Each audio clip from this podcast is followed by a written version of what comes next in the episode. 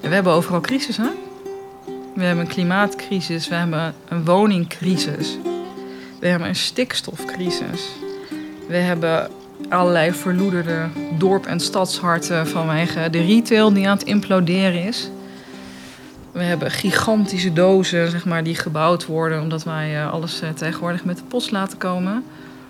Dus ja, alles bij elkaar bekijkend uh, en ook nog eens het besef of de ambitie die we denk ik terecht hebben om duurzamer te zijn. Dus ja, de, de zonne-energie en de windenergie ergens in die ruimte ook nog te gaan accommoderen.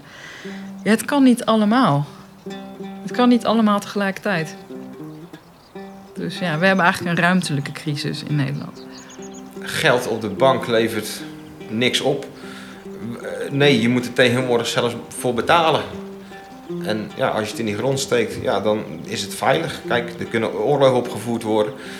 Ze kunnen er van alles mee doen, maar die grond die ligt er over 100 jaar nog. Zo simpel is het eigenlijk. We zitten in een ruimtecrisis.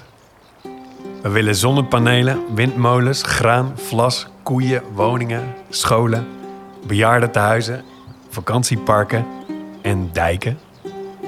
En duinen en stranden en parkeerplaatsen. Maar we hebben maar één Zeeland.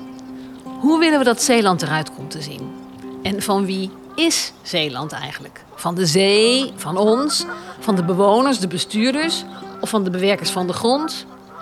Welke keuzes kunnen we maken? Welke toekomstmogelijkheden zijn er voor Zeeland?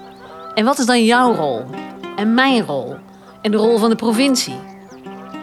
En kan het ook anders dan het nu gaat? Daarover willen we in gesprek met iedereen die ermee te maken heeft. En ja, het liefst dus ook met jou.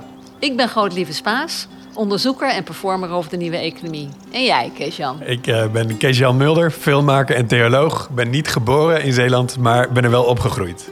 Samen zijn we op zoek gegaan uh, naar manieren om beter om te gaan met ruimte. Uh, en de vraag die we daarbij willen uitzoeken is van wie is het land? Of van wie zou het moeten zijn?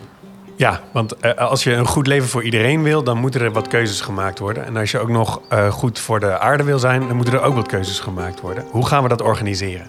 We hebben bestuurders, beleidsmakers, bewoners, boeren en burgers geïnterviewd.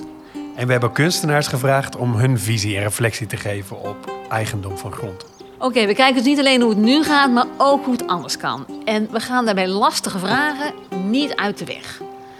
We doen spannende voorstellen, we brengen ongebruikelijke meningen en die vraag die niemand durft te stellen, we doen het toch. Welkom bij de podcast van Wie is Zeeland? Een podcast over de toekomst van onze provincie.